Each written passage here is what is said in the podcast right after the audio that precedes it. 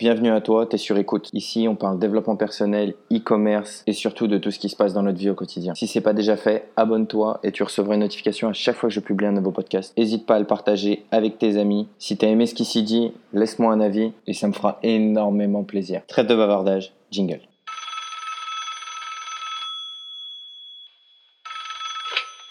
Allô, c'est toi? Quitte pas, t'es sur écoute. Maybe you should pull the fucking trigger. Pull the trigger. Ain't nobody gonna do for you. Pull the trigger. Okay, but you're helping me with this. Hey, salut toi. T'es sur écoute. ça fait un peu un guicheur comme intro, mais j'aime bien quand même. J'aime bien le concept de t'es sur écoute. Alors ça plaît peut-être qu'à moi. Si ça te plaît pas trop, envoie-moi un message sur Insta et dis-moi, il faut qu'on change ce nom, ça va pas du tout Nick. Euh, si c'est la première fois que tu m'écoutes, alors je te conseille d'arrêter tout de suite, d'aller écouter mon premier podcast. Va écouter mon premier podcast, tu vas comprendre ce qui se passe un petit peu sur ma chaîne. Si tu as déjà entendu mon premier podcast, écouté mon premier podcast et que tu viens, merci pour le, les encouragements. Merci euh, pour le support. Alors, je sais pas comment dire en français, mais merci. Écoute, aujourd'hui, on va parler d'une séance de coaching que j'ai faite hier, qui était assez spéciale, et je pense que ça peut te servir. C'est quelqu'un qui m'a contacté sur Instagram, une fille euh, d'Indonésie qui m'a contacté, qui m'a dit hey, Salut Nick, ça fait un moment que je te suis et euh, ça va pas du tout dans ma vie, je suis perdu et j'aimerais bien que tu me donnes des conseils, il faut absolument qu'on se parle. Donc on, s'est appelé sur WhatsApp. La conversation a commencé comme euh, toutes mes séances de coaching. Je demande à la personne qu'est-ce qui se passe Qu'est passo quoi Ces personnes me racontent que... Enfin c'est assez flou, mais en, soi la conversation a, a très vite dérivé autour de l'argent. Donc cette personne me disait, écoute, je suis barman, euh, je gagne très bien ma vie, les gens me jugent et me disent que ce que je fais c'est haram. Donc j'ai vite compris que la religion était importante pour cette personne, apparemment. En tout cas, c'est ce qu'elle m'a fait comprendre. Et donc, je lui ai dit, mais euh, ce, ce, travail ne te rend pas heureuse? Elle m'a dit, ah bah si, je suis super contente, je gagne énormément d'argent. D'accord Alors, quel est ton problème? Elle m'a dit, oui, mais les autres personnes, elle me dit ci, elle me dit ça. Je dit, mais concrètement, quel est ton problème? Elle m'a dit, non, mais j'ai arrêté ce travail-là et j'en fais un autre, et donc maintenant, je vends des chaussures. Elle me dit, bah, c'est cool, est-ce que tu es heureuse? Oui, je gagne beaucoup d'argent. Et quand ce genre de sujet arrive, et, on a quand même parlé pendant une demi-heure, et, et j'ai vite compris que, que cette personne, elle n'était pas épanouie, mais c'était tout simplement parce que ses objectifs n'étaient pas définis. Je lui dis, mais qu'est-ce que tu veux dans la vie? Parce que tout ce qu'elle me disait, c'est, je fais ça et ça a l'air de plaire aux gens, ou je fais ça et ça plaît pas aux gens, mais quand je fais ça, je gagne de l'argent, mais quand je fais ça, je gagne un peu moins d'argent, mais je gagne de l'argent. Et donc, il y a vraiment deux moteurs qui animaient euh, la vie de cette personne, qui étaient le regard des autres personnes et euh, l'argent. Alors, on, il faut comprendre que c'est quand même quelque chose qui anime énormément de personnes dans ce monde. C'est pour ça que les réseaux sociaux comme Instagram, Facebook cartonnent. On a envie d'être apprécié, on a envie d'être reconnu. Donc, en général, c'est un moteur qui, qui, anime beaucoup. Et le deuxième, bah, c'est l'argent. C'est combien tu gagnes, qu'est-ce que tu peux t'offrir et tout ça. Sauf que ce sont euh, des moteurs qui, qui t'amènent vers un plaisir temporaire rapide. Euh, donc quand, quand tu as tous ces likes, tu es content ou tu es contente. Mais, mais c'est pas un t'es content et tu vas t'en souvenir toute ta vie. Tu vas pas dire dans 6 mois, waouh, j'ai eu 6000 likes un jour. Non, parce que bah, il va t'en falloir plus. Et il va falloir que tu atteignes les 10 000 et les 20 000. Donc c'est pas quelque chose qui, qui va t'épanouir parce que si tu en as 6000 tout le temps et qu'un jour tu en as 5000, bah, tu vas courir après ces chiffres et au final ça va, ça va t'amener de moins en moins de plaisir, de plus en plus de stress parce que tu vas passer de plus, dans, plus en plus de temps et plus en plus d'énergie dessus. Et c'est pour ça que j'ai demandé à cette personne, euh, est quel est ton objectif de vie? Pourquoi, pourquoi tu travailles? Pourquoi, pourquoi, pourquoi c'est important l'argent?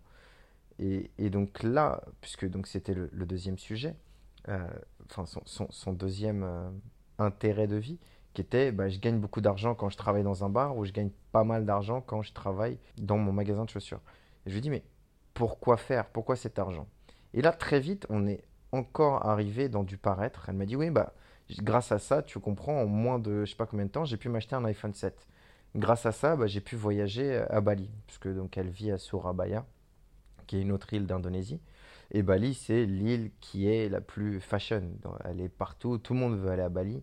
C'est un petit peu l'endroit où on veut être. Donc c'est le Mathieu vu. Et en fait, je me suis senti ennuyé parce que j'ai compris que cette personne ne maîtrisait pas ou ne, ne donnait pas d'importance à son temps. J'ai vite compris que tout ce qu'elle faisait, c'était par rapport aux autres, par rapport au regard qu'elle donnait aux autres. D'avoir un iPhone 7. Donc elle travaillait énormément, ou, pas d'ailleurs, mais elle travaillait dans un bar euh, pour gagner de l'argent, pour pouvoir s'acheter un iPhone 7, parce que les gens pensaient qu'elle faisait quelque chose donc de pas bien, de mal vu euh, par rapport à la société dans laquelle elle vit. Donc elle s'achète un iPhone 7 pour dire je suis euh, bien meilleur que vous, j'ai un iPhone 7 et je peux me le permettre parce que je travaille là-dedans. Mais ça, de vivre pour le regard des autres, si tu fais quelque chose de bien, tu seras jugé. Si tu fais quelque chose de mal, tu seras jugé. Aujourd'hui, euh, je sais pas, Elon Musk, il essaye de changer le monde avec Tesla. Il y a plein de gens qui le jugent positivement en disant Ouais, ce mec, il est énorme, il est impeccable, il est ouf, enfin, je sais pas, tout ce que tu veux. Mais il y a aussi une autre partie qui dit C'est un escroc, c'est un dictateur au travail, euh, il se rend pas compte, mais il, il, enlève la pollution du gaz pour ajouter une pollution au lithium qui consomme encore plus et tout ça. Donc en fait, tu auras toujours des détracteurs à partir du moment où tu travailles pour un autre, que ce soit, je sais pas, toi, tu es peut-être à l'école et tu fais ça pour tes parents, tu fais des études de médecine ou d'avocat, ou voilà, alors que tu voudrais euh, voyager, mais tu fais ça pour tes parents. À partir du moment où tu travailles pour les autres ou pour ce que les autres vont penser de toi, tu vas pas t'épanouir. Et si tu t'épanouis pas, tu vas rentrer dans une spirale infernale qui va, qui va faire que tu, tu vas faire un burn-out ou tu vas tu vas t'enliser, tu vas faire quelque chose. Il y, a beaucoup de gens, par exemple, qui sont. Moi, je faisais du dropshipping avant. Bah, si tu as entendu le premier podcast, tu le sais. Et j'étais entouré de gens, d'entrepreneurs de, qui faisaient énormément d'argent, mais qui n'étaient pas heureux. Parce qu'en fait, le dropshipping, ça les épanouissait pas. Et ils faisaient ça parce qu'ils voulaient avoir un certain niveau de vie pour pouvoir se payer des maisons, des ci, des ça, sans comprendre pourquoi, quel était leur intérêt.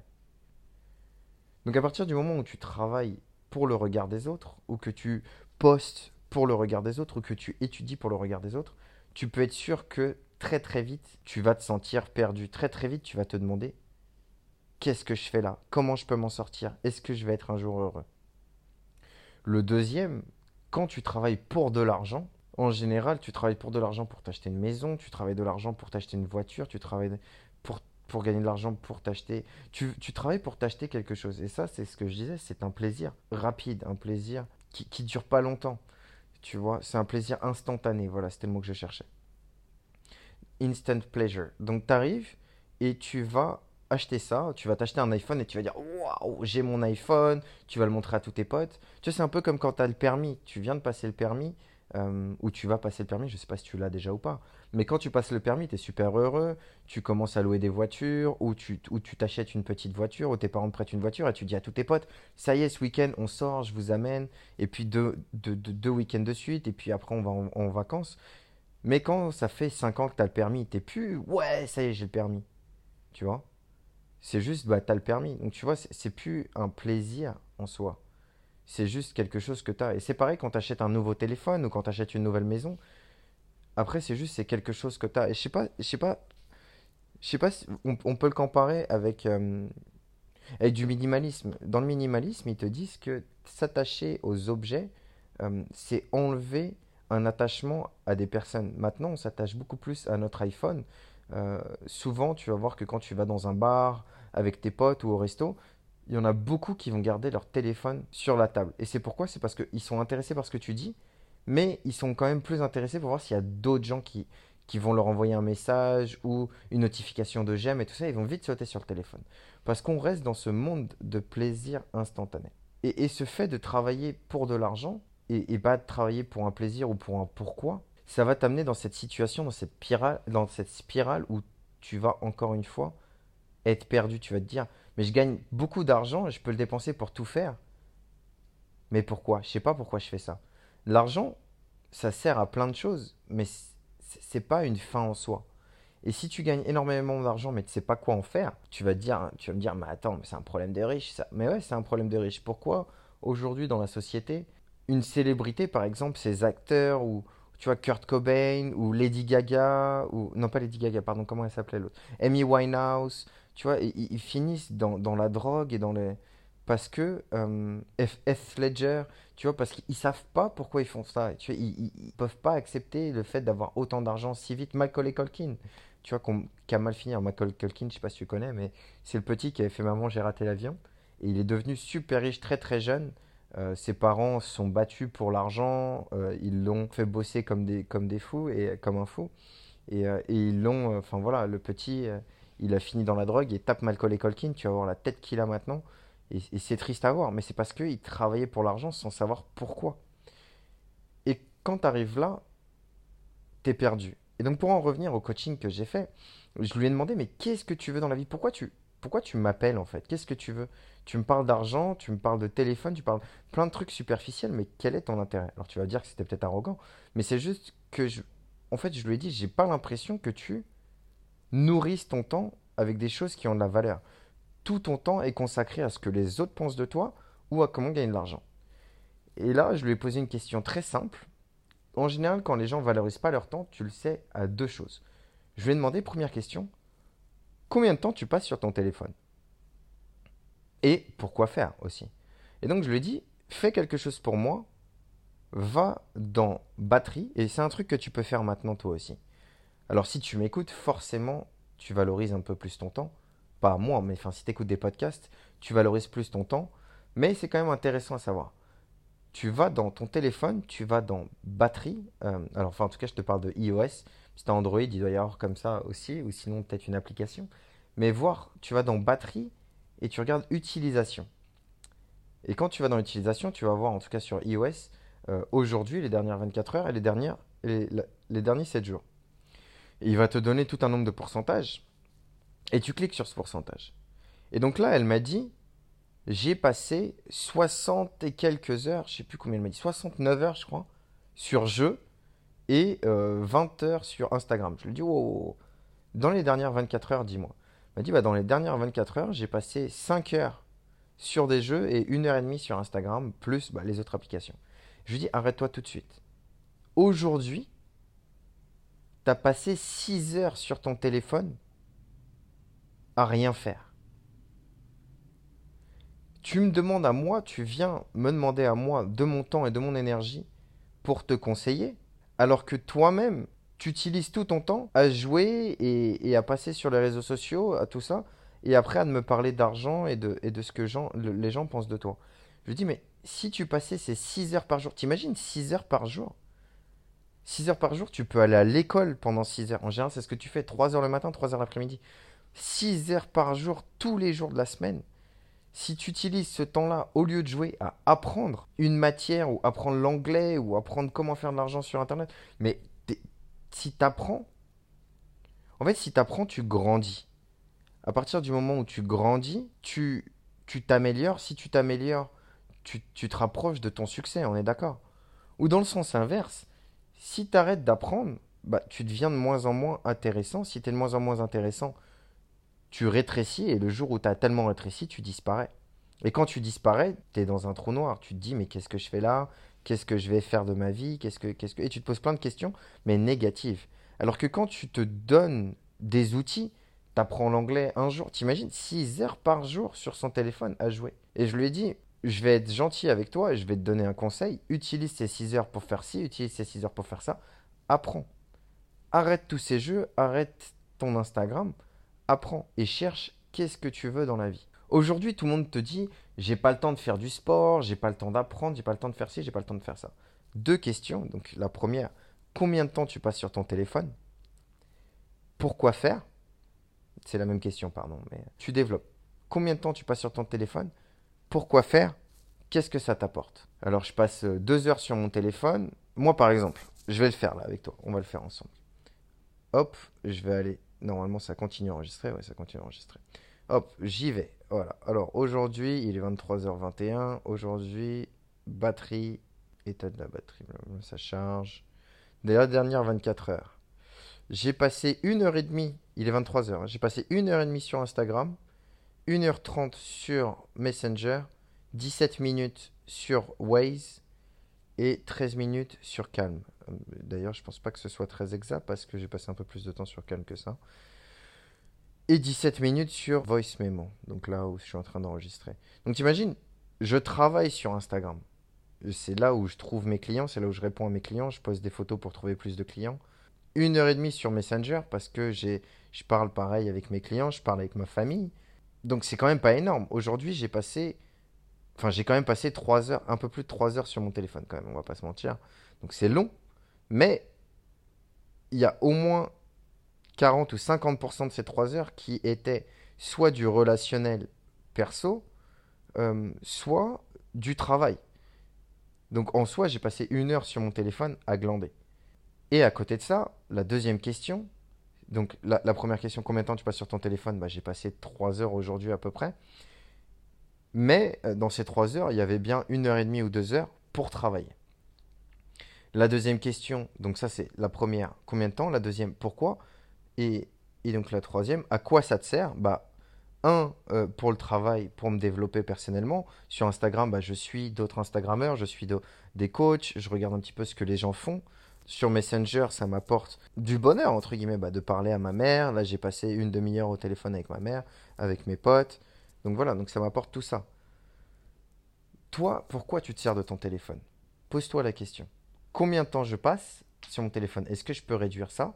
Est-ce que je peux, bah, je sais pas si tu passes qu'une heure sur ton téléphone, c'est cool. Mais même dans, dans cette heure, est-ce que vraiment ça t'apporte quelque chose, oui ou non? Après, c'est à toi de voir. Et à côté de ça, tu peux, euh, tu vois, dire qu'est-ce que je fais d'autre de ma journée. En général, la deuxième, c'est les gens, c'est la télé. Moi, par exemple, bah ouais, là, chez moi, j'ai trois télés, énormes. Donc, j'ai une télé dans mon salon, une télé dans mes deux chambres. Donc, euh, dans la deuxième chambre, j'y vais pas.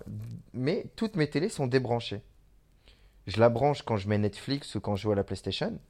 Euh, donc je sais que quand je joue à la PlayStation, c'est juste pour m'aérer l'esprit ou pour ne penser qu'il y a une seule chose. Quand je regarde la télé, je regarde pas la télé. Il n'y a pas de télé chez moi, il y a Netflix ou un streaming.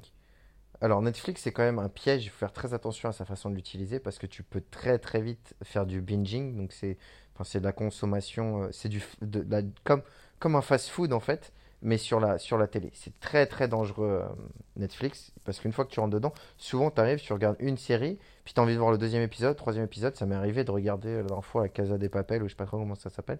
Et j'ai regardé euh, toute la saison, enfin j'ai regardé les deux saisons en euh, une semaine. Alors ça, ça arrive très très vite, il faut faire attention quand tu rentres dans cet engrenage. Mais maintenant, je fais très attention à la façon dont j'utilise Netflix. Je regarde par exemple des documentaires. Alors, je vais pas te mentir, je regarde pas que des documentaires, je regarde souvent des films. Mais c'est, euh, voilà, le soir, je me fais un film. Il n'y a pas de pub, il n'y a pas de, je me fais pas spammer. Je choisis ce que je veux regarder. Boum, je regarde mon film, j'éteins et je débranche. C'est fini. Souvent, quand tu regardes la télé, qu'est-ce que tu consommes? À toi de voir. Est-ce que tu regardes les infos? Qu'est-ce que ça t'apporte vraiment? À savoir que les infos, c'est un, outil euh, que les, les, c'est un outil qui sert à contrôler l'esprit des gens. Alors, on va pas rentrer trop dans une polémique, mais en tout cas, marketingement, les, les infos et les journaux, ça sert à te faire consommer. Pourquoi? Parce que quand tu es au plus bas émotionnellement, quand tu es triste, quand tu te sens pas bien, euh, tu consommes plus. Et c'est pour ça que les, les- publicités avant les infos et juste après les infos, en général, coûtent le plus cher avec bah, euh, les infos, euh, enfin les, les publicités qui sont pendant la Coupe du Monde.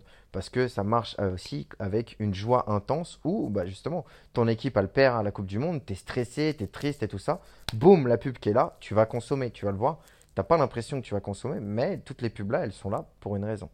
Bref, donc la télé, il faut faire très très très très très attention. Et en général, quand tu regardes la télé qui a la pub, ça te fait chier, soit tu zappes, soit tu vas sur ton téléphone, et sur le téléphone, pareil, il y a pas mal de publicité. Donc, télévision, téléphone, combien de temps tu passes dessus? Pourquoi faire? Qu'est-ce que ça t'apporte? Et en soi, dans ton quotidien, voilà, pense à ces trucs. C'est vraiment quelque chose qui est important et c'est un truc que j'ai envie de... On, on va terminer là-dessus.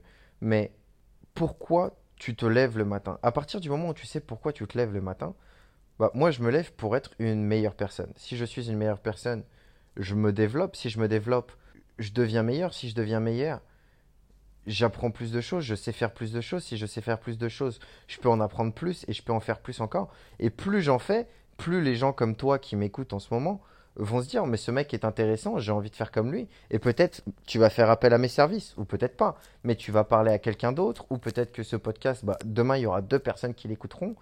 Et même si tu consommes pas euh, mes produits, alors pour le moment, j'ai pas de produits, donc hormis mon coaching perso, mais si tu consommes au moins mes podcasts et que ça te change ta vie et que demain, tu dis waouh, je vais euh, quitter mon job ou je vais quitter ma fac ou je vais continuer mon job mais je vais demander une, une promotion parce que si, parce que ça, ou je vais arranger pour gagner du temps, ou je vais me mettre au sport, ou je vais me mettre à la méditation parce que si, parce que ça. En fait, si tu changes ton rythme de vie parce que tu as écouté ce podcast, bah j'ai réussi. Et, j'ai réussi ça comment? En devenant moi-même meilleur.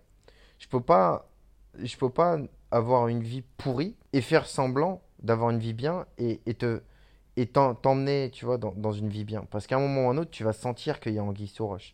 Tu vas être déçu et, et tu vas, tu vas être déçu par rapport à moi. Alors certes, tu vas arrêter de m'écouter, je vais perdre toute crédibilité, mais aussi par rapport au développement personnel. Tu vas dire, ah, mais tu vois, c'est comme tout le monde, c'est faux et tout ça. Bah, c'est pas faux, je le fais et je... C'est l'idée par l'exemple, tu vois, c'est euh, montrer l'exemple et, t'amener dans, dans mon monde. Donc, qu'est-ce que je vais faire? Là, j'ai un réveil qui est, qui est programmé à 6h30 du matin. Je vais faire ma méditation, je vais faire mes étirements. Je prends mon scoot, une demi-heure de route, je vais dans ma salle de Muay Thai, deux heures de Muay Thai. Euh, après, je file dans un coworking space. Alors, je peux travailler de chez moi, mais pourquoi? Bah, parce que j'ai donné rendez-vous à plein de gens sur des groupes de start-up et tout ça pour networker. Je vais bosser, je fais du consulting pour les emails pour une compagnie de dropshipping qui fait euh, 7 chiffres à l'année. Après, je bouge en consultation pour une, une marque. Enfin, tu vois, je fais des trucs. Mais c'est parce que si je fais tout ça, j'apprends. Et tu vois, en fait, il y a une phase d'apprentissage, il y a une phase de travail, il y a une phase d'expérimentation. Donc l'apprentissage, bah, je fais de la méditation et je suis suivi par un, un- un coach. Je suis suivi par un coach en, en développement personnel, en sport. Après, je vais faire des rencontres. Donc il y a l'expérimentation et, et il y a l'horizon. Après, bah, il y a la pratique avec, avec le boulot et voilà. Après, il y a encore... En fait, tu vois, j'alterne. Et je pense que c'est quelque chose qui est très important pour grandir. Et je te conseille vraiment de faire ça, de d'apprendre beaucoup, de pratiquer beaucoup plus. Et tout ça, en fait, c'est compliqué si t'as pas le temps. Et en général, on a le temps. Tout le monde a 24 heures. Tu vois, si moi j'arrive à faire tout ça, tu peux me dire, ouais, mais c'est facile parce que tu bosses de chez toi, de ci, de ça. Mais tu crois que c'est facile de, de, de- d'être un coach aujourd'hui en ligne? Bah, peut-être, peut-être pas. Mais rien n'est facile et rien n'est difficile. À partir du moment où tu le veux et que tu sais pourquoi tu le fais. Donc voilà, on va arrêter ça, mais euh, enfin, on va arrêter ce podcast, on va arrêter d'être sur écoute. Pour aujourd'hui, retiens bien de un contrôle ton temps. 2. Pourquoi tu te lèves le matin. Et 3. Viens me parler sur Instagram. Allez, salut et bonne soirée.